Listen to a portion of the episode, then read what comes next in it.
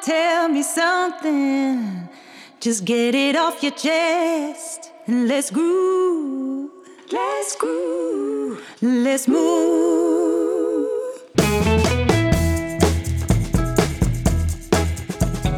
We zijn weer met de Tandersclub begonnen op Clubhouse. Nico Bezuur, eigenaar van congrescentrum De Hamermolen... en Ron Steenkis, Tanders Business Mentor. In principe elke vrijdagochtend om half negen.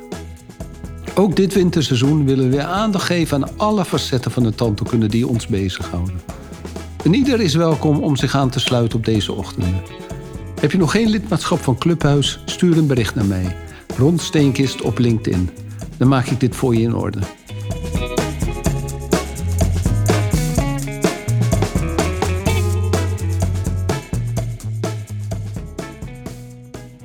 Hey Nico, eh, goed dat je er bent, man. En eh, we gaan gewoon eh, direct beginnen, want die introductie... Of wil je jezelf introduceren? Volgens mij is het wel een goede. Introduceer jezelf en introduceer Oh. mij ook maar. Dat is een keer wat anders, toch?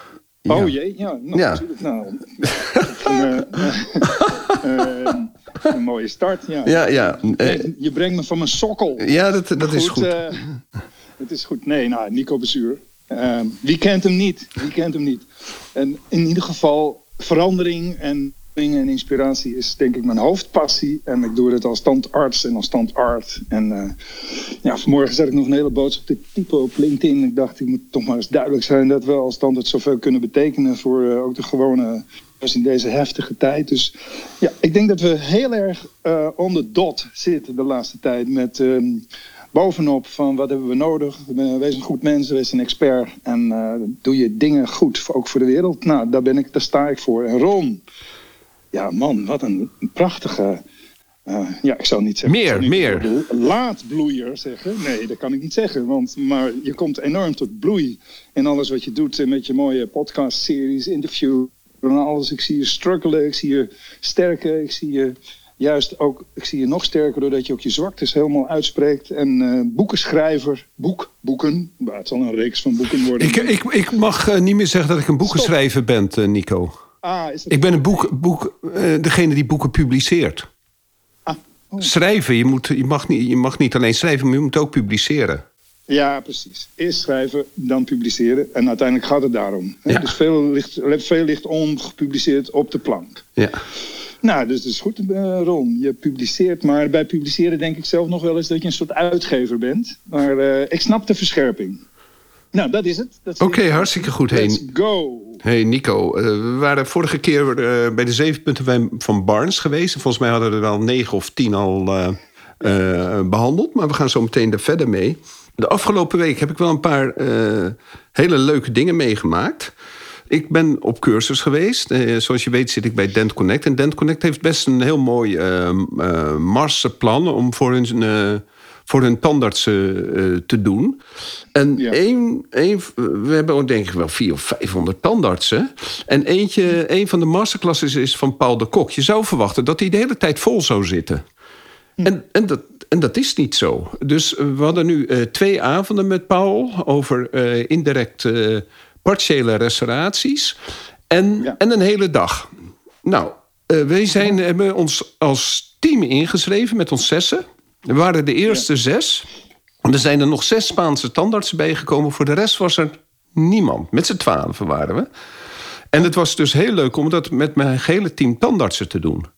Want Ja. eh, de, de- we weten nu al, we zitten allemaal op dezelfde level. We weten nu allemaal welke materialen we moeten gebruiken. We hebben allemaal hetzelfde boodschappenlijstje.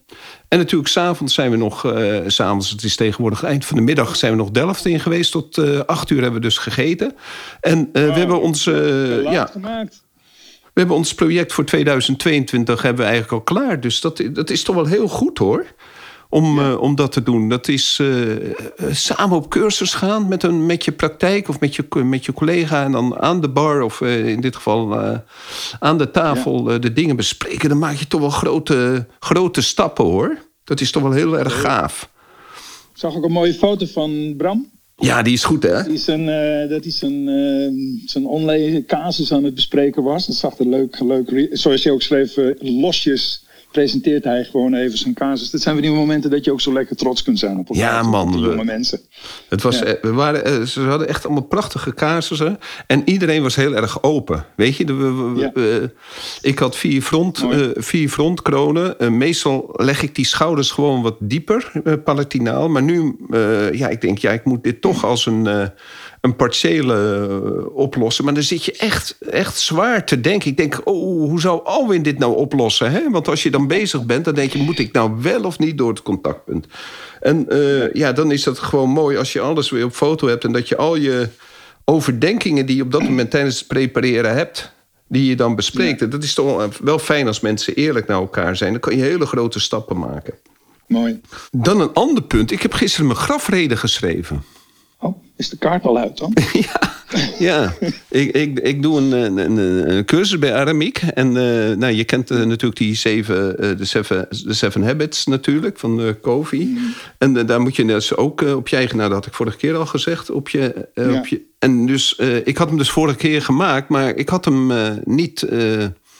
ja, ge- eigenlijk gepubliceerd. Ik had het filmpje wel klaar, maar ik werd teruggestuurd naar de, naar de tekentafel en ik moest, het op, eh, ik moest live gaan.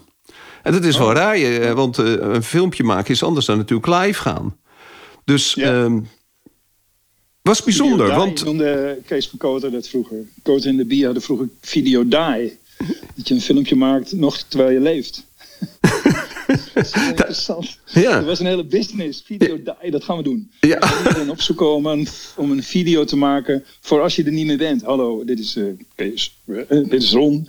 En eh, ja, ik, je, je kijkt nu naar mij, maar eigenlijk ben ik dit. Dit is een soort avatar, want ik ben er niet meer. Maar ik wilde nog wel wat zeggen.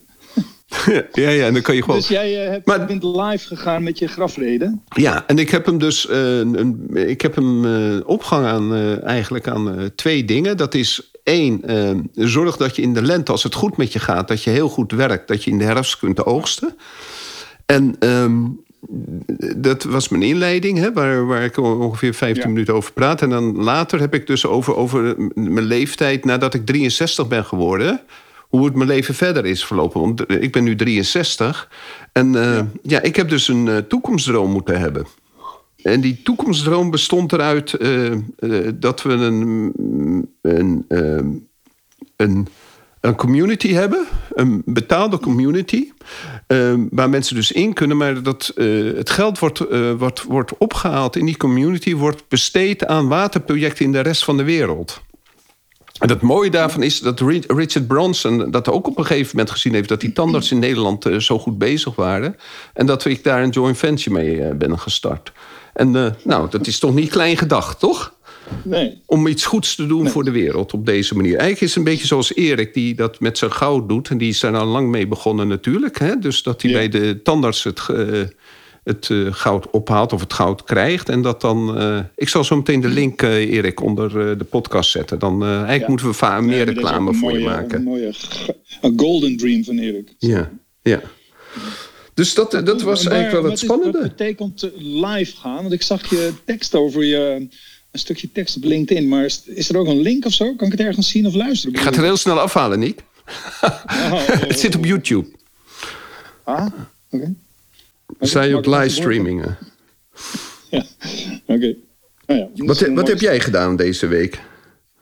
Nou, ik ben lekker bezig geweest natuurlijk. Ik neem elke, elke zondag, geloof ik inmiddels, zo één keer in de week neem ik een TED-talk op. eh, die steeds ongeveer, ehm, de, die gaat steeds, dan, dan probeer ik mijn gedachten bij elkaar te rapen. en te kijken waar ik dan kom. Eh, zo ben ik mezelf aan het verscherpen. En eh, ik had nog wel een leuke ervaring, vond ik. Want ik vroeg aan een nieuwe patiënt, ik zei, hoe kom je nou bij mij? Want eh, eh, er, waren daar twee, er waren twee nieuwe patiënten deze week. Eh, die, eentje die stuurde een mail met haar voortanden. En die zei, ja, ik, eh, ja, ik kom helemaal uit Maastricht. Maar... En die had hier op de Hamelmolen, eh, een paar vrienden van haar hadden een kamer geboekt. En eh, ik had kennelijk eerst over mijn tante Art gesproken en wat laten zien. En die had, die had gezegd, dus dat, die gingen terug naar Maastricht. En die hadden gezegd, ja, je moet gewoon naar Amsterdam toe. Dat moet je doen. Dus dat vond ik een grappige. Maar wat ik ook leuk vond, was deze. Is dat eh, ik had een nieuwe patiënt, die woont dus in de buurt. En die, ik zeg, hoe kom je bij mij? Zegt ze, nou ja, ik heb gewoon de, de buurt-app heb ik, eh, geschreven. Ik eh, weet er niet. 100 en uit vier verschillende richtingen noemden ze jouw naam. Nou, En Nico. dat vond ik echt. Ja, dat vind ik cool. Weet je Ja, wel. dat is echt bijzonder. Gewoon in de buurt-app. hè, De, de buurt-app voor preventie, veiligheid, maar ook met elkaar dingen te delen. En dat er dan uit vier richtingen, onafhankelijk van elkaar, wordt gewoon mijn naam genoemd om bij mij te komen. Ik had echt zo'n, nou, die, die media, dat vond ik toch wel cool. Dat vond ik gaaf. Ja, dat vond ik een mooi moment. Ja, dat is, dat is echt goed, want dat is, dat is eerlijke communicatie, hè? Ja, dat is lekker eerlijk. Ja, ja ik dacht zelf, eh, ja, ik kreeg, ja, kreeg er een goed gevoel bij. Want het is een soort van de harde, mooie werkelijkheid.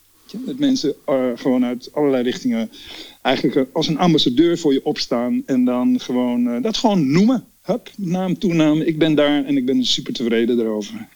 Dus ja, ze, had, eh, ze kwam bij mij en ik vond, ik denk dat ik, eh, nou, ik heb volgens mij aan haar, haar verwachtingen voldaan Ja, mooi. in het eerste bezoek. Want ik dacht vandaag nog, daar kunnen we ook nog wel eens een, een, een sessie aan wijden. Want Zo'n eerste bezoek is toch ook eigenlijk een super gaaf moment. Om eh, helemaal door en door eens te kijken wat daar eigenlijk allemaal wel niet in zit. Er zit veel in. Ja, is eh, het, als je die, eh die tandheelkundig managementboeken leest, dan, eh, dan gaat het heel erg over de eerste patiënt, hè? Ja. En, contact. en eh, nou ja, de, wij tandartsen zijn natuurlijk allemaal heel erg bezig met de, met de eerste patiënt. Hè? De, de, de, de website is eh, bezig met hoe kan je je inschrijven. eh. maar eigenlijk gaat het over je bestaande patiënt en die als nieuwe patiënt zien. En dat is, dat is zoals, eh, zoals Barnes het ziet. Maar ook zoals eh, een aantal andere eh, mensen het zien. Stop met, met al je tijd te investeren in, in nieuwe patiënten. Maar zorg er gewoon voor dat je je, je patiënten die je hebt... dat je die, die gewoon meeneemt. En, en dan is het het belangrijkste, Nico... dat je ervoor zorgt dat je medewerkers ook snappen... dat ze elke patiënt eigenlijk als nieuwe patiënt moeten zien. Ja, klopt. Want Zeker. heb jij het niet vaak, of laat ik zo zeggen, de afgelopen week heb ik vaak gehad dat ik in de mond keek en dat ik denk van, maar waarom hebben we niet een wat groter plan voor de toekomst besproken? Want als deze patiënt niet al tien jaar bij mij in de praktijk was geweest en die was nieuw geweest, Ja. had ik een heel ander plan gemaakt dan een schouderklop op de schouder van hé, het gaat goed, mondhygiëne goed. Ja. Want dat is ook eigenlijk nu met al die, die, die amalgaamvullingen... Hè, die we 30 jaar geleden hebben gelegd... die, die hebben het zo goed gedaan.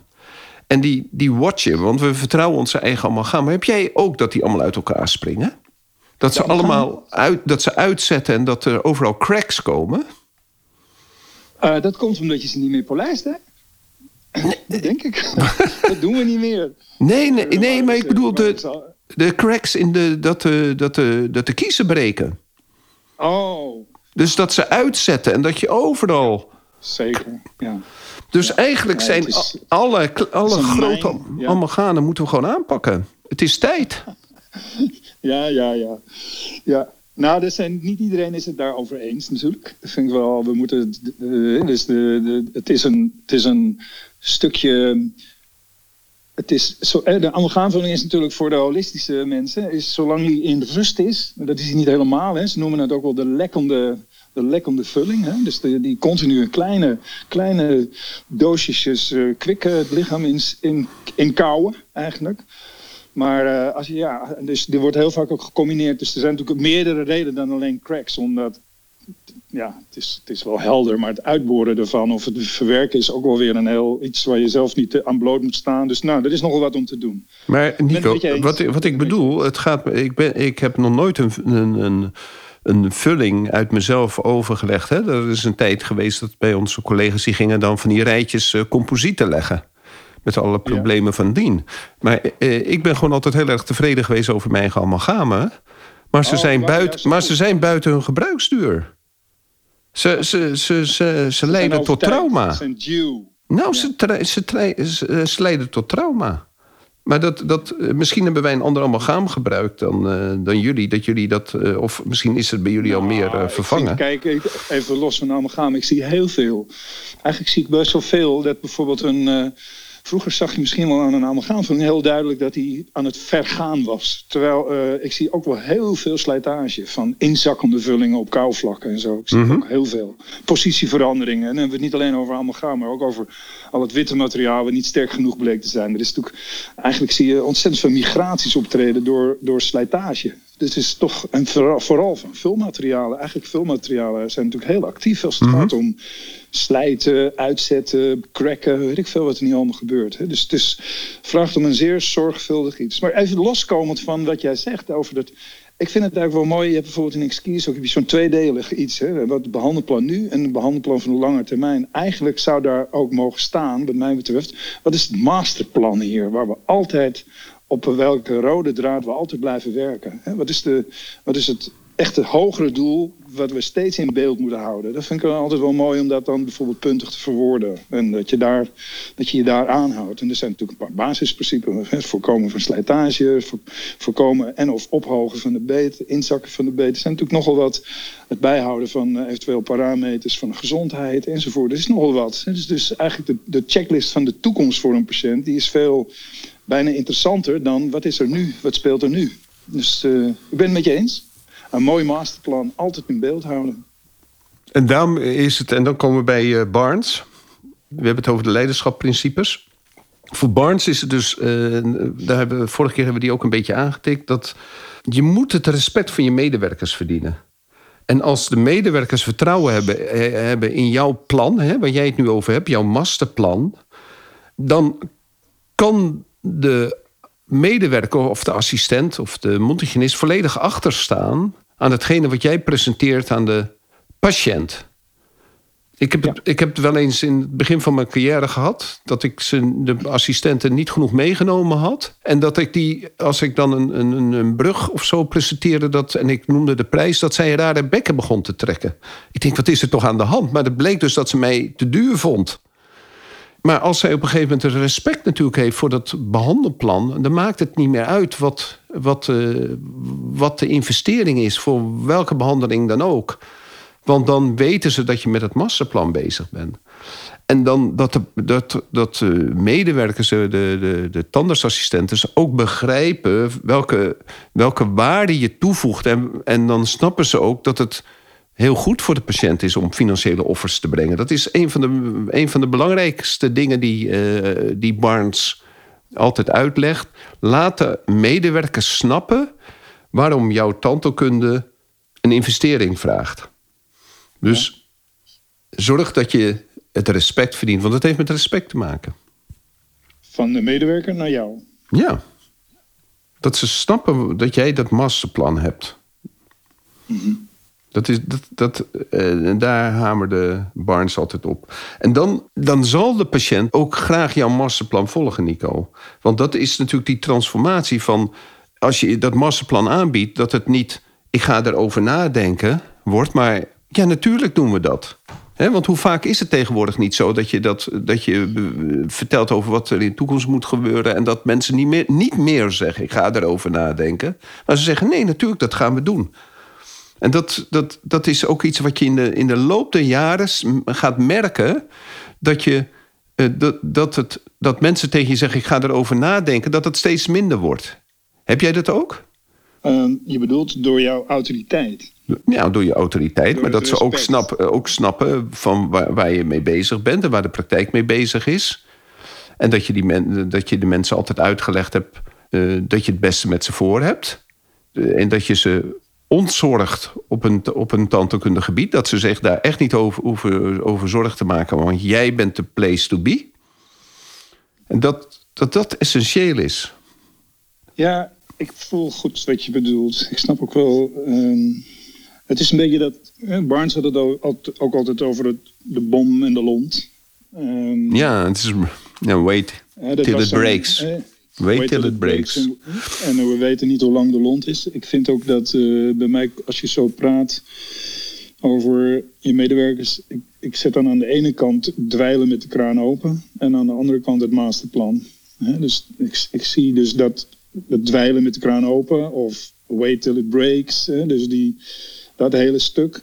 Daar, dat is de valkuil van de dienstverlening. Dat we te veel meegaan met eigenlijk het niveau van de patiënt. Dus dan blijven we een beetje schoonhouden enzovoort. En uh, terwijl als je bijvoorbeeld, er worden weinig vragen gesteld om van het niveau van dweilen met de kraan open naar het misschien wel hè, terug naar het masterplan. Hè? Waarover, waar gaat het werkelijk over? En dan ook die het benoemen van de lont. Hè? Hoe lang stellen we nog zaken uit? Ja, dus dan, en dan, ehm, kijk, het gaat erom, ons plan, ehm, geld is een bijeffect, maar ons plan heeft als doel om de mensen een leven lang mooie, sterke tanden en kiezen, goed kouwen, lachen, functioneren enzovoort in de, in een, voor hunzelf, omgeving, maatschappij. Dat, dat masterplan moet natuurlijk uh, bovenal staan, maar het moet vooral ook ik, ik vind het ook zelf, ik weet niet hoe jij dat doet, ik vind het ook eigenlijk helemaal niet leuk om uh, aan de dweilkant te blijven staan. Ik vind het eigenlijk niet, dat is niet mijn vak. Dat, zo wil ik niet. Ik wil eigenlijk ook dat mijn patiënten, cliënten, gasten, leden, dat die doordrongen, zijn van het feit dat ze ook, ook iets voor mij uh, kunnen doen. in die zin, ze doen het voor zichzelf, maar dat ze snappen, ik ben bij iemand, ik ben bij een bar, ik ben bij iemand met een ideaal over mij. En dat vind ik mooi. Dus dat, dat hele gedachtegoed, dat hogere doel is dat zo iemand ook denkt, ja, kan hem toch maar niet blijven vragen, maar uh, maak het even schoon en repareer het maar een beetje. Zo. Dus de, ja, nou ja, ik snap het. Barnes was natuurlijk heel erg van uh, al het werk wat maar niet is gedaan. Hè? Dus ik vond het wel mooi dat hij gaf aan het voorbeeld dat hij een collega riep hem even bij. Verhalen, dat is toch wel grappig. Want ik heb het echt, hoe lang geleden is Nou, dat we zijn dingetjes hebben beluisterd en, en onderzocht en jij ook. Maar als je er naar terugdenkt, denk ik, ja, dat verhaal van collega roep mij er even bij, hoe zou jij deze kroon oplossen? En dat hij dan zegt, nou, dat zou ik zo en zo doen. Maar jeetje, mevrouw, meneer, dit is nou wat een geluk dat uw tante deze ene kies repareert. Maar het is toch een voorbeeld van, al, van deze, deze en deze en deze kies, die ook, op, uh, die ook een lont hebben. Ik zou maar zorgen dat u die dan voorkomt. En dan was hij naar buiten toe en dan zei die collega, jeetje, meneer Barnes.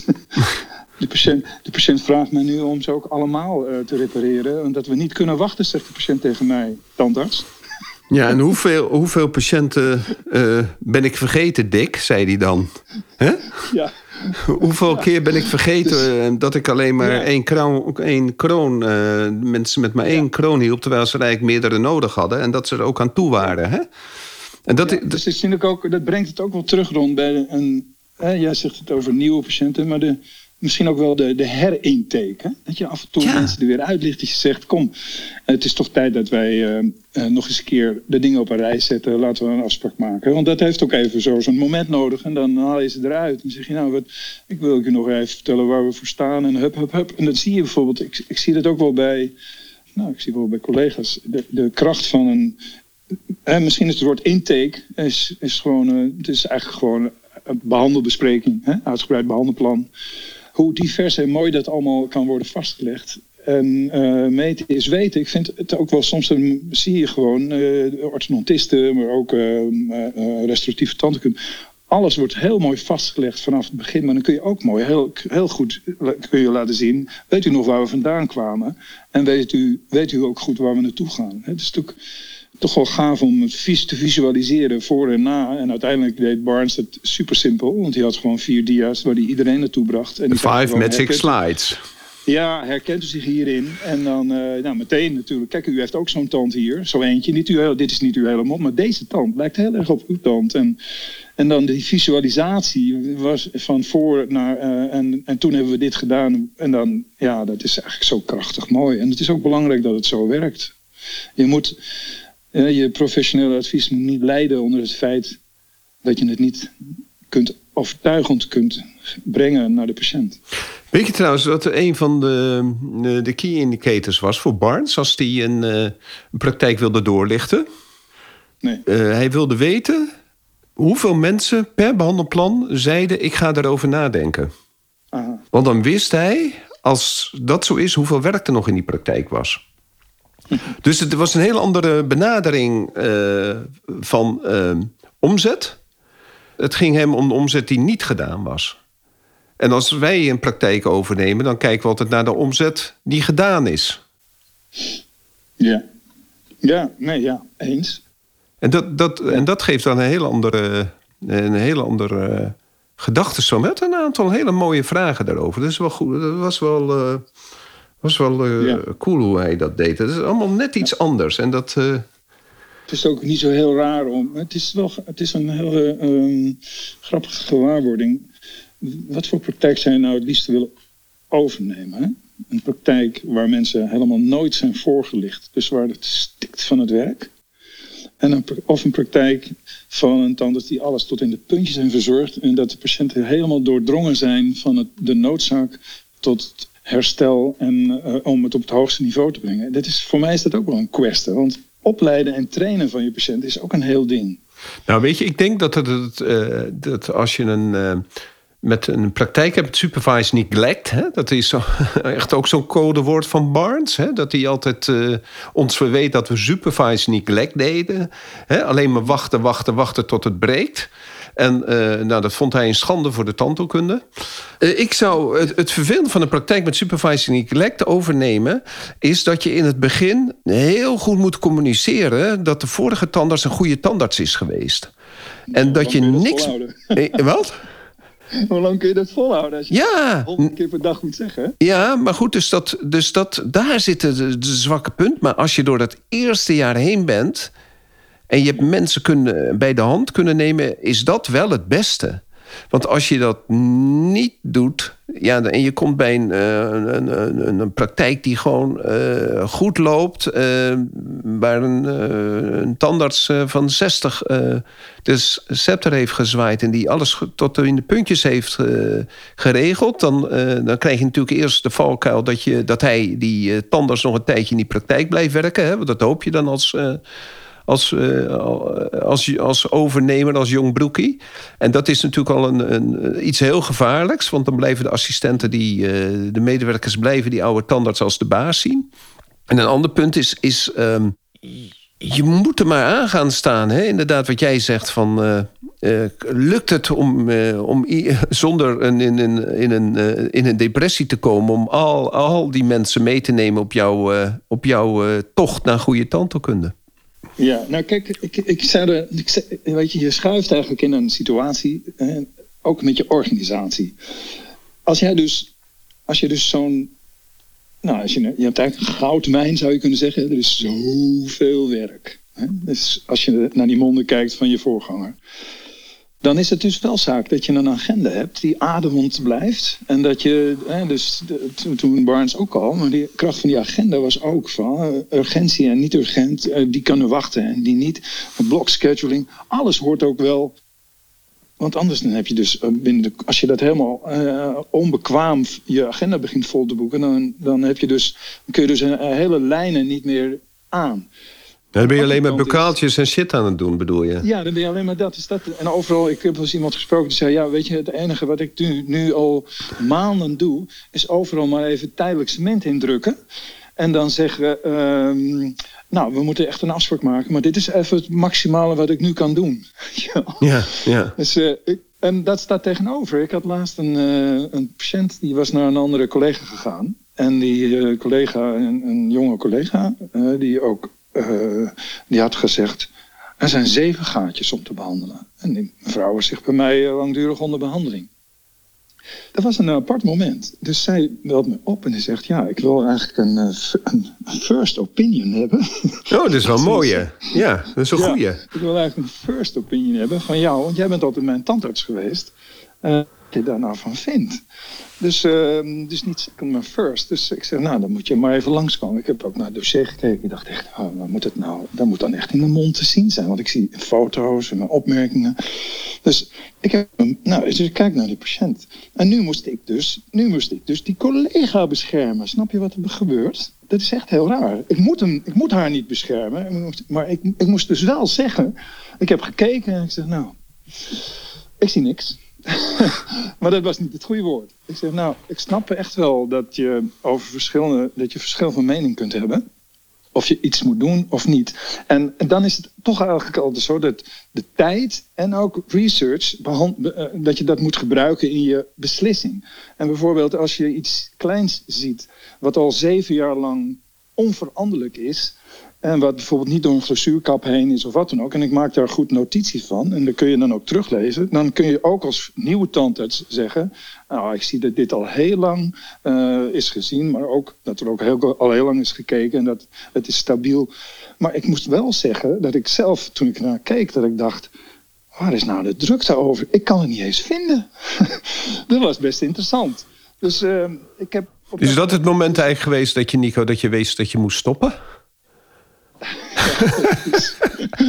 kan het licht uit of aan? Ik, ik zie het niet. Sister, turn on the light. Ja, het is gewoon dokter. Ja, dus er ontstaat een bijzondere kwestie, omdat nu wordt dus de nieuwe tandarts in eh, twijfel getrokken. Dat is apart, hè? Dus Ja. mijn autoriteit trekt nu de nieuwe tandarts in twijfel. Dus wat gebeurt er? Die patiënt, die, eh, die, wat moet ze nou met deze informatie? Dit is, nu, dit is niet te dragen bijna. Hè? Dus eh, je beseft ze wat. Een derde opinie nodig nu. Dus, dus die patiënt die zegt, goed, nou dat is toch wel heel bijzonder. Want eh, de, patiënt, de tandarts die had gezegd, je moet een afspraak maken voor zeven gaatjes. En jij zegt, het is helemaal niet nodig. Wat moet ik nu? Ja, ik zeg, nou, welkom terug. Komt terug. Of eh, je, ja, je moet nog een, eh, mening vragen. Of je, je realiseert je dus dat. eh, nou ja, ik heb geprobeerd uit te leggen dat er stabiel uitziet en goed. En eh, ik stond toch eigenlijk ook wel een beetje met mijn benen in een spagaat. Maar wat gebeurt er? Ik krijg dus nu een telefoontje van die jonge tandarts. Die zegt, wat, eh, wat help me, want ik, ik weet, nou weet ik het. Ik, ik, heb, heb, heb ik, doe ik iets fout? Of, dus nu moet ik die, dus die jonge tandarts die meldt zich eigenlijk bij mij. Ik moet met haar praten over tandheelkunde. Ja. Om te zeggen, ja, eh, nu wordt de, de, de- dus- Want zo'n patiënt gaat natuurlijk weer met een boodschap. Die zegt bijvoorbeeld die afspraken af. Die zegt, nou, ik ga het niet doen. Want ik heb mijn vorige tandarts opgezocht. En die zegt dat het niet nodig is. Dat zo vaak wordt, zo wordt het toch samengevat. Hoe zorgvuldig ik het ook heb Ja. verwoord. Waarop ik dus eigenlijk die jonge tandarts weer aan de lijn krijg. En die zegt, ja, eh, wat is er aan de hand? Bel, bel, bel me even terug. Maar goed, ze vertelde ondertussen ook eh, dat, dat er allerlei andere dingen in die praktijk gebeurden. En dat ze uit de stoel werd gesleurd. En dat er gebeurde van alles. Dus alles kwam los. Dus ik zei, nou ja, weet je, ik geloof dat je geluk hebt dat je even langs bent gekomen. Zei ik tegen die patiënt. Maar hoe, hoe eindigt Nou, het verhaal nu, Nico? Nou, de patiënt die, eh, die, die. Het is eigenlijk nog een beetje in wording. Het is nog redelijk recent. Ik, eh, ik vind, denk wel dat ik met die. Ik zal die jonge tantes nog eens even terugbellen. En, en eens even. Ik denk dat we even goed moeten praten. Ja, lijkt me ook goed. Ik begeleid iedereen, denk ik dan maar. Dat lijkt me het beste. Vind je niet? Ja, ja. Eh, Ja, ik, ik ga hier even op. eh, ehm, ik ga hier even Ja. over nadenken. Want Ja. nou ja, kijk, je hebt ook wel eens vaker dat iemand. Dat er iemand komt die zegt: eh, Mijn tante heeft deze kroon gemaakt, maar eh, u had het niet gezien. Weet je wel, dan sta je meer. Dan sta je achter de streep. ja, En dan kun, je er, niet- dan kun je er niet eens meer over praten. Dat is ook lastig, want zo iemand staat als wat in het gelijk. Doordat er een handeling heeft plaatsgevonden. En ik, ik, kan, ik krijg dan niet eens de kans. Er zijn zoveel verschillende manieren. Dus ja, hoe eindigt dit verhaal? Voor mij eindigt het op deze manier. Je moet ongelooflijk je best doen om, om elke keer weer heel fris naar elke patiënt te kijken. Elke, want er staat wel eens, me- een van mijn medewerkers zegt, wel eens, deze, deze en deze kies moet ik onder controle halen. Er staat dus een heel lijstje onder controle houden. En dan zeg ik tegen mijn teamlid, de preventieassistent, zeg ik, ja, ik weet niet hoor, ik, ik kijk alle kiezen na hoor. Dus, dat zeg ik, want op het moment dat iemand, dat een patiënt, dat een tand het zegt tegen zijn assistent, de 1,7 onder controle houden, de 1,4 onder controle houden en de 2,5 onder controle houden. Die gaan we onder controle. En dan denkt zo'n patiënt echt, what's going on? Weet je? Ik, eh, dat is niet goed. Alles eh, staat op scherp of zo. Dat verontrustend. Dus Oh, het is niet- ik vind het mijn taak om. eh, ik, ik zeg dan altijd: eh, Nou, het is goed dat, eh dat we aan zitten, maar wees gerust. Ik hou alles onder controle. ja. dat is goed. Hey, Nico, het laatste punt van Barnes. eh, dat, dat is meer een algemeen punt. Hij wil dat je gewoon als standaards afvraagt. Niet alleen wat de toekomstvisie is van de patiënt, hè, van hoe, hoe het plan van de patiënt is, maar ook gewoon wat is de missie en visie van je praktijk. En stel die bij op de juiste momenten. En niet alleen ook jouw visie en missie op het gebied van je eigen praktijk, maar ook je missie en visie op het gebied van eh, de tandheelkunde aan zich. En dat is iets waar wij natuurlijk de laatste tijd wel over discussiëren. En waar Barnes het al in 1995 over had. Hoe ga je eh, als, eh, als standaardsen, als standaards in het algemeen, als standaardsen die in een keten zitten en als standaardsen die niet in een keten zitten, ehm, hoe ga je als ZZP'er of een tandarts in loondienst, hoe zie je de toekomst van de tandheelkunde? En dat je dus echt ervoor moet zorgen dat je met z'n allen het mooie beroep van tandarts, en dat zei hij echt in 1995, dat je het mooie beroep van tandarts, waar je de verrichtingen mag doen die je, die je zelf uh, goed vindt, dat je die, dat een levendig en bevredigende beroep laat blijven. En daar moeten we echt hard voor knokken met z'n allen. En uh, daar was hij echt een, een strijder voor. En ik denk dat jij uh, dat dat uit je hart gegrepen is. Absoluut, ja. Want dat is iets waar jij je ernstig zorgen over maakt, hè? Dat de ketenvorm... Ik maak mij, uh, ja, ik maak mij ernstig zorgen. Ik had in, in 1990 betrokken bij de... En jij eigenlijk ook een beetje. Ja, Amphion, betrokken bij de, bij de eerste keten in Nederland, Amphion. Uh, wat toen niet doorging, omdat door redenen. Die, waren, die zijn ook wel aardig om te benoemen. Maar de, een van de redenen was dat ik, dat ik toch vond dat ergens bovenin het misschien over geld ging in plaats van over patiëntenzorg. Ik vind het belangrijk dat het helemaal bovenin de organisatie om patiëntenzorg gaat en niet over geld. Bij ketens kan ik dat niet, uh, kan ze niet allemaal over één kam scheren. Ik hoop dat ze zich ontwikkelen naar dit hoogste doel. En daar zullen ze natuurlijk al, altijd voor, uh, daar zullen ze wel voor gaan staan. Maar uiteindelijk gaat het erom of het, het in de kliniek of op de werkvloer ook echt gebeurt. Ik maak me wel jong, uh, zorgen over de toekomst van de tandheelkunde. Ja, zeker. Ik vind het een. Um, ik hou van het hele mooie, unieke, originele uh, oorspronkelijkheid. En uh, niet alles over één kam. Ik vind, het, ik, vind die, ik vind die jonge mensen die nu nog zo veel met tanden kunnen bezig zijn, moeten later ook mooie klinieken kunnen draaien. Met eigen invloeden en eigen inzichten en eigen karakters. Ik ben er dol op. Ik heb ze altijd begeleid. Ik, ik, ik maak me dan zorgen over de toekomst. Dat dat, dat niet, er niet of te weinig is. Het zal er altijd wel zijn. Misschien wordt het wel het sterke, sterk marketingpunt. Jij bent, jij bent ook een marketeer.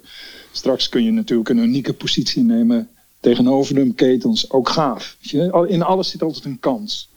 Maar laten de hogere doelen tot en met. Uh, kijk, we zijn bijvoorbeeld op standaards waren we er ook nooit op uit om bijvoorbeeld collectieve afspraken te maken met verzekeraars. Nou, dat, dat ligt bijna voor de hand. Dat ketens wel die garanties gaan afspreken en dat ze dat wel willen. Hè. Dat zijn, terwijl ook eigenlijk moeten we allemaal onafhankelijk blijven van dit soort, dit soort zaken. Maar als geld het hoogste doel is, waar je voor moet uitkijken, dan worden afspraken vanuit dat perspectief ook gemaakt. Dus ja, ik maak me zorgen. Maar uh, je, ik ben geen Don Quixote. Uh, wat gebeurt, gebeurt. Ik zal uh, altijd zoeken naar een soort van win-win.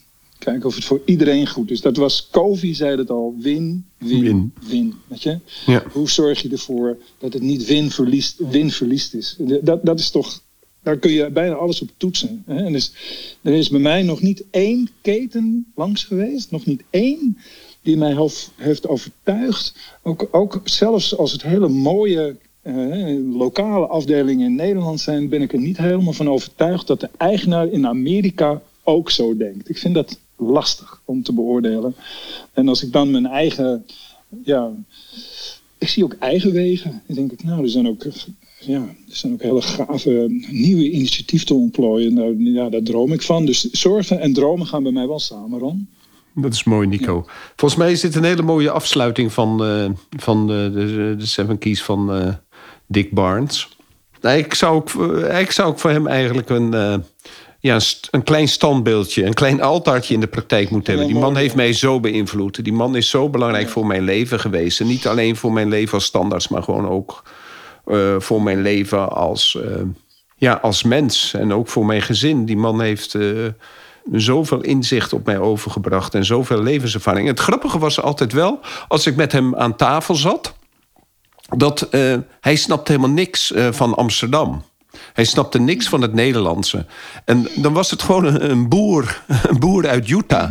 En, en hij, zijn inzichten waren zo ontzettend mooi en hij kon zo goed communiceren. Maar uh, één op één, ik, we, we, zaten op een totaal andere level. Maar ik heb het gewoon. Ja. Zijn, zijn, zijn tandheelkundige visie heb ik gewoon 100% overgenomen. Hij was uh, Mormoons. En uh, ja, dat. dat uh, misschien was ik toen ook niet zo handig in het communiceren. Dat ik, uh, dat ik misschien te veel achterste van mijn tong liet zien hoe, hoe wij in Amsterdam leefden. En dat ik hem op dat punt misschien met meer respect had moeten behandelen. Maar hij snapte vaak helemaal niks van wat wij, wat Mark en ik in Amsterdam aan het doen waren. Dus dat. Ja. Nou, het is mooi om onze iconen op die manier te eren. Ik vind, het is mijn streven is altijd het volgende. Ik vind uh, je leermeesters en je rolmodellen, die imiteer je totdat je, totdat je het bekwaam erin bent, onbewust bekwaam. En dan komt de fase van creatie. En dan ga je het ook toebrengen naar niet alleen zijn of haar waarden, maar ook je eigen waarden en ook nog eens een keer common sense. Zo. Ik vind het mooi om altijd een soort van upgrade. En in die zin moet je uiteindelijk ook, dat vind ik voor jou ook, hè, zoals je het nu zo zegt. Hij heeft het mogelijk gemaakt, hij heeft dit, hij heeft dat. En denk ik uiteindelijk, jij was de goede ontvanger. En je hebt er een meerwaarde van gemaakt in je eigen omgeving, met je kinderen, met je praktijk. Dat is, dat is het mooie van zo'n proces. Dat je, dat je, je komt in die unknown. Hè, er zijn veel dingen die heb je nog nooit van gehoord. Je maakt het voor jezelf bekwaam. Je maakt het zelfs onbewust bekwaam. En dan komt een nieuwe cirkel. Dat je weer voor een nieuwe leermeester open staat. En die verfijnt weer en die maakt het weer. En zo. Dus dat continu leren vind ik, een, vind ik uh, ook de opdracht aan onszelf. Dus we blijven niet stilstaan in, in 1995. Maar we zien wel de waarde van toen. En we voegen er een heel leven aan toe. Nou, ik kan wel met al mijn wijsheid natuurlijk zeggen. Ik denk, Nico, dat er 300 mensen natuurlijk in die zaal waren toen. In de ACTA dat ik voor het eerst, uh, of ACTA Universiteit van Amsterdam op de Lauwersweg. Dat ik voor het eerst met hem in aanraking kwam. En ik denk dat er eh, misschien, eh, misschien eh, van die 300 mensen natuurlijk maar 15 mensen. Uh, er zijn een aantal mensen die waren heel boos. Hè, dat dit allemaal niet kon. En die zaten in de yes but. En, maar ik denk dat er misschien 15 mensen zijn die het, die, waar het aankwam, het verhaal. En de, ik denk dat er maar één of twee. Nou, Ronnie Fransman kwam ik ook op een gegeven moment tegen. Misschien vier van die 300 op een gegeven moment ook naar zijn praktijk zijn geweest. Dus ja, het, het, het is je moet, het, je moet er ook soms ergens voor gaan natuurlijk. Hè? Als je voelt, dit is goed, dit is het. Dit Precies. was de dat, tijd. Dat wilde ik zeggen, Ron. What's happening? En dan denk ik, nou, you baby, you. Hè? Dus uh, jij bent ook degene dan die, die het gewoon weer pakt en doet. En zo zijn er meer mensen, ook zoals wij die met Catan... Uh, ook zo'n opzienbarende, gave trainingen. Maar niet iedereen ging het doen. Terwijl ik denk echt, nou, dat echt storm moeten lopen. Iedereen, iedereen tot, tot, aan, tot aan de landgrens aan toe wat een gaaf iets om te doen. Weet je wel, wat is het een mooi proces. Uh, nee, wat... Maar uiteindelijk, uiteindelijk zijn het, is het altijd weer een puntje van de piramide die iets pakt. En dat zijn dan de early adopters. Dat vind ik altijd wel een mooie gedachtegoed. Hè? De early adopters kunnen de community beïnvloeden als ze zelf ook beginnen uit te zenden. En dat ben jij nu ook aan het doen. Yes, yes. Nee, dat is waar. Want ik zat er ook nog aan te denken. je bent een early adopter. Een early adopter. Die nu aan het zenden is. Oké. In plaats van dat je nog met je ehm, bandrecorder naar de winkel gaat en dat je zegt: uh, Heeft u nog cassettebandjes? ja. Uh, Nico, zullen wij nog even. Ik wil nog even uh, Erik vragen als hij. Ik weet niet of hij aan het werk is, ja, maar anders. Uh, want dan kan hij nog even reclame maken voor zijn, voor zijn missie. Hey Erik, goeiedag. Nou, ik, ik schrik me niet een hoekje, hoekje, een hoedje, hoedje. Hoor, maar, uh, maar ik was niet voorbereid om uh, mee te gaan praten. Maar, uh, maar ik werk nooit op vrijdag. Dus daarom kan ik ah. altijd naar jullie luisteren. Dat is gewoon juist geweldig. Erik, maak nog even reclame voor, voor de belangrijke missie die jij aan het doen bent. Nou ja, sinds twaalf jaar ben ik al ja, tandengoud aan het verzamelen. En, uh, en, dat, uh, en dat loopt hartstikke goed. Er zijn gelukkig steeds meer collega's die meedoen. Uh, want de hoeveelheid tanden die van, van goud zijn, die eruit worden gehaald, is maar beperkt. Maar ik, ja, ik, ik roep iedereen op om in ieder geval tandengoud aan een goed doel te geven. En het doel waar ik het voor opspaar is borstkankeronderzoek. En zeker met de grote hoeveelheid vrouwen in de, in de zeker met onze assistenten, is allemaal meegeteld zitten we vast uh, richting de 90 procent. Uh, is het, heeft iedereen ermee te maken. In elke tandartspraktijk die wat groter is, is er wel iemand die het heeft gehad. En uh, denk ik dat je als team eh, met elkaar ja, iets laat zien waar, je, waar je achter staat en dat je dat met elkaar doet. En dat je dan de kronen aan de patiënt vraagt of ze die willen, willen doneren aan dat goede doel. En dan kunnen ze ze naartoe, naar mij toe opsturen. Op mijn profiel zie je. ze kunnen naar uh, www.tandengoud En daar kan je wat meer lezen en dan zie je ook de opbrengsten. Ja, wat was de opbrengst van afgelopen jaar? Het was 89.000, hè? Geloof ik. Eh, het was eh 78.587. Nou, fantastisch. En ik zag de, op de foto's die je publiceerde... ongelooflijk blije vrouwen ook die het in ontvangst namen. Ja, dus het ja, is eh, ja, bijzonder. Ja, ja en dit, keer, dit keer mocht ik het persoonlijk overhandigen. En eh, er was geen, eh, ja, verder geen poespas omheen. Het was gewoon in het Antonie van ziekenhuis. En gewoon aan de, aan de onderzoeker persoonlijk. En eh, ja, en die ging gewoon heel blij weer naar haar team terug. En eh, ja, super enthousiast. En ook een heel mooi college gehoord over wat, er wat er allemaal mee gedaan wordt. En eh, ja, dat is wel, wel gaaf. Ja, Hey Erik, ik heb al een hele tijd eh, voor je verzameld, want ik noemde Ja. het doel ook. Ja. Alleen, ik ben echt een Amsterdammer. Ik wil het niet over de post sturen. Is er nog Nee, een andere ja. mogelijkheid?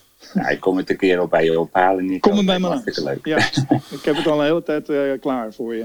Ah, Dus, eh, want ik merk ook dat eh, het is best wel een mooi, mooi moment, vind ik eigenlijk ook aan de stoel. Dat je zoiets eh, van oud goud uitslijpt en het- dan ligt het op tafel. En soms Ja. kijkt er ook naar en die zegt dan, nou, ja, goud. Ik zeg, nou, u kunt het. Ik, en ik zeg, altijd, ik zeg het altijd zo. Ik zeg, nou, je kunt het meenemen. Ja, je ziet dan, loop je meestal met zo'n klein dingetje te zoeken. Wat kun je er eigenlijk mee? Ik zeg, of u kunt het, eh, ik hou het niet voor mezelf. Ik stop het in een goed doel. In dit geval borstkanker voor vrouwen. Eh, dan gaat het daarbij. Nou, dan is, dan is het altijd meteen wat, wat gaaf. Het is goed dat jullie dat doen. Ja, Punt. super. Ja, en, Keuze en- is niet eens. Zijn er maar zelden is er iemand die zegt, ja, ik neem het toch mee. Ja, dat, dat zijn de uitzonderingen. Dat zijn vaak ook de mensen. En dat is ook zelf- goed. Weet je wel. Ja, Dat is ook goed. Dan zeg ik, nou, snap ik wel. Nee, ja, tuurlijk, ook goed. Weet je, neemt het mee.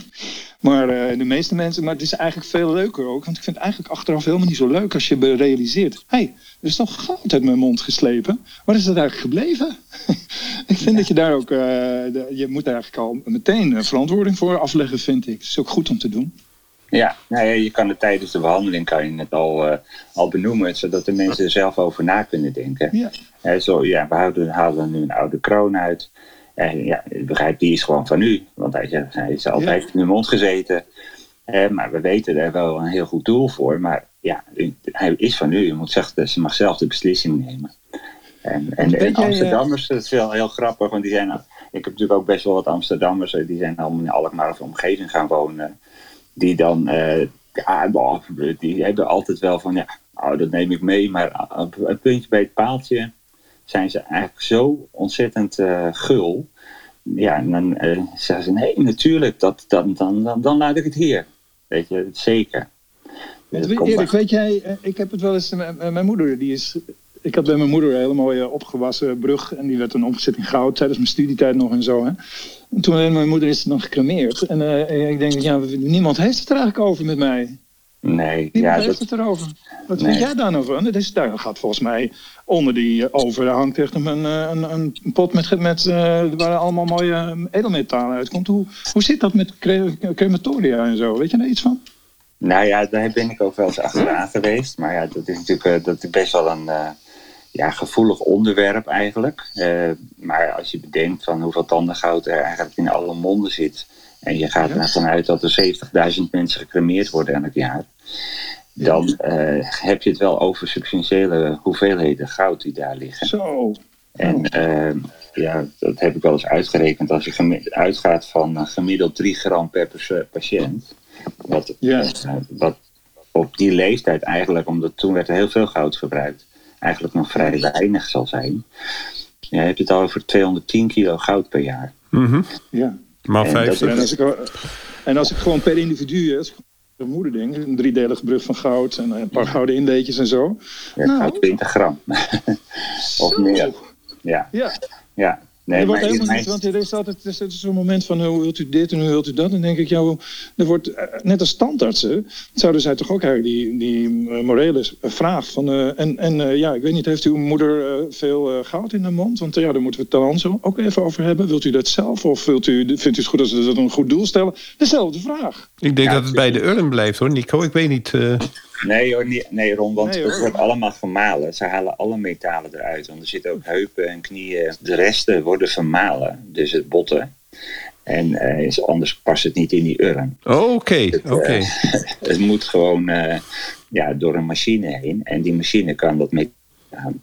Dus die metaalresten die blijven zeg maar liggen. En eh, ja, je weet waar het hoofd heeft gelegen, dus je weet ook waar het tandengoud ligt. Zo moeilijk is dat niet. Uh, en ik, ja, je hebt hier alles over nagedacht. Nou, ik heb erover nagedacht, maar ik ben er ook achteraan geweest. Maar niet omdat ik dat goud wil hebben, maar dat ik wil dat het naar een goed doel gaat. En uh, dat, dat komt eigenlijk ook, dat, ja, ik deed dit al en mijn schoonvader is denk ik nu tien jaar geleden overleden. En die had ook best wel wat goud in zijn mond. Van, en ja, we kwamen het uh, as ophalen. En toen heb ik ook gevraagd van wat is daar eigenlijk mee gebeurd. Nou, ja. komt ze maar mee. Toen gingen ze het helemaal uitleggen. En uh, mee naar achteren. En uh, zij hebben dus een, ja, een bedrijf die komt dat materiaal allemaal ophalen. En de opbrengst daarvan gaat naar een goed doel. En dat is Euromate metaal, geloof ik, Eurometaal die dat dan op komt halen. En het goede doel is het Vijandfonds. En het Vijandfonds is een, uh, een doel dat mensen nog een laatste wens kunnen ze, uh, voordat ze gaan overlijden, dat ze nog iets mogen, mogen wensen, zeg maar. Nou, en mooi. Dat, dat is natuurlijk prachtig. Uh, dus ik heb ook geprobeerd contact op te nemen met Eurometaal, maar die, ja, die geven dan eigenlijk niet helemaal thuis. Dus ik heb daar, ben daar verder niet helemaal mee achteraan gegaan. Nee. nou, dus ja, het begint met bewustzijn erover, toch? Ja, ja, ja, dat is het. En, uh, en ja, weet je, als je, ik denk dat als je het zelf meemaakt, uh, dat je daar dan niet mee, bij stilstaat. Hè? Als er iemand overlijdt, dan sta je daar echt helemaal niet bij stil. Maar dat het meer iets is van, ja, hoe doe je dat? Uh, dat zou je zelf moeten beschrijven van tevoren, als je ja. gaat overlijden. Van, joh, als, ik heb heel veel goud in mijn mond, ik wil dat het daarin gaat. Ja. dus, die, ja, even heel kort nog, je mag het er gewoon uitknippen hoor, maar als je een van de vrouwen die er dus bij stond bij het overhandigen van die cheque, dat was Riet. en Riet die heeft haar man verloren en die had dus ook allemaal kroon nog in de loop van de jaren opgespaard. En dat potje kreeg ik dus ook nog tijdens die uitreiking van haar overhandigd. Dus dat was eigenlijk heel emotioneel, want dat was dit jaar overleden. Bijzonder. En ze zegt, ik heb ook nog heel veel goud in mijn mond en dat is allemaal voor jou. zij, zij heeft echt van alles. Dus is, uh, aan alle kanten heeft ze dus niet alleen borstkanker gehad, maar ook van alles uh, aan ja. ziektes. Dus ze, ze weet dat ze ook niet heel lang meer heeft. Maar die heeft het gewoon echt genoteerd. Weet je? Die, die zorgt dat gewoon uh, dat mensen dat weten. ja. ja Oké. Okay. Hey Ron. Ja. En Nico, wat een mooie uitzending weer. Dank jullie wel. Oké, okay, fijn dat je er was. Ik ga voor het masterplan. yeah. Heel goed. Erik, goed dat je er was. Oké. Okay. Roland, goed dat je er was. Maartje, dank jullie wel. Tot volgende week. Tot volgende week. Nico, het was weer top. Hoi. Doei. doei.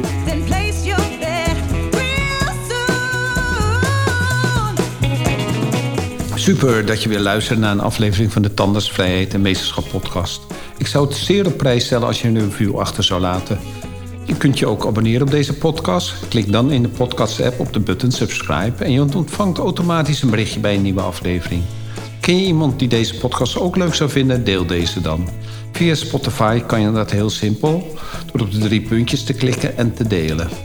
Je kan mij ook bereiken via mijn LinkedIn-account. Ik ben te vinden onder mijn naam Ron Steenkis. Nogmaals, dankjewel en tot de volgende keer.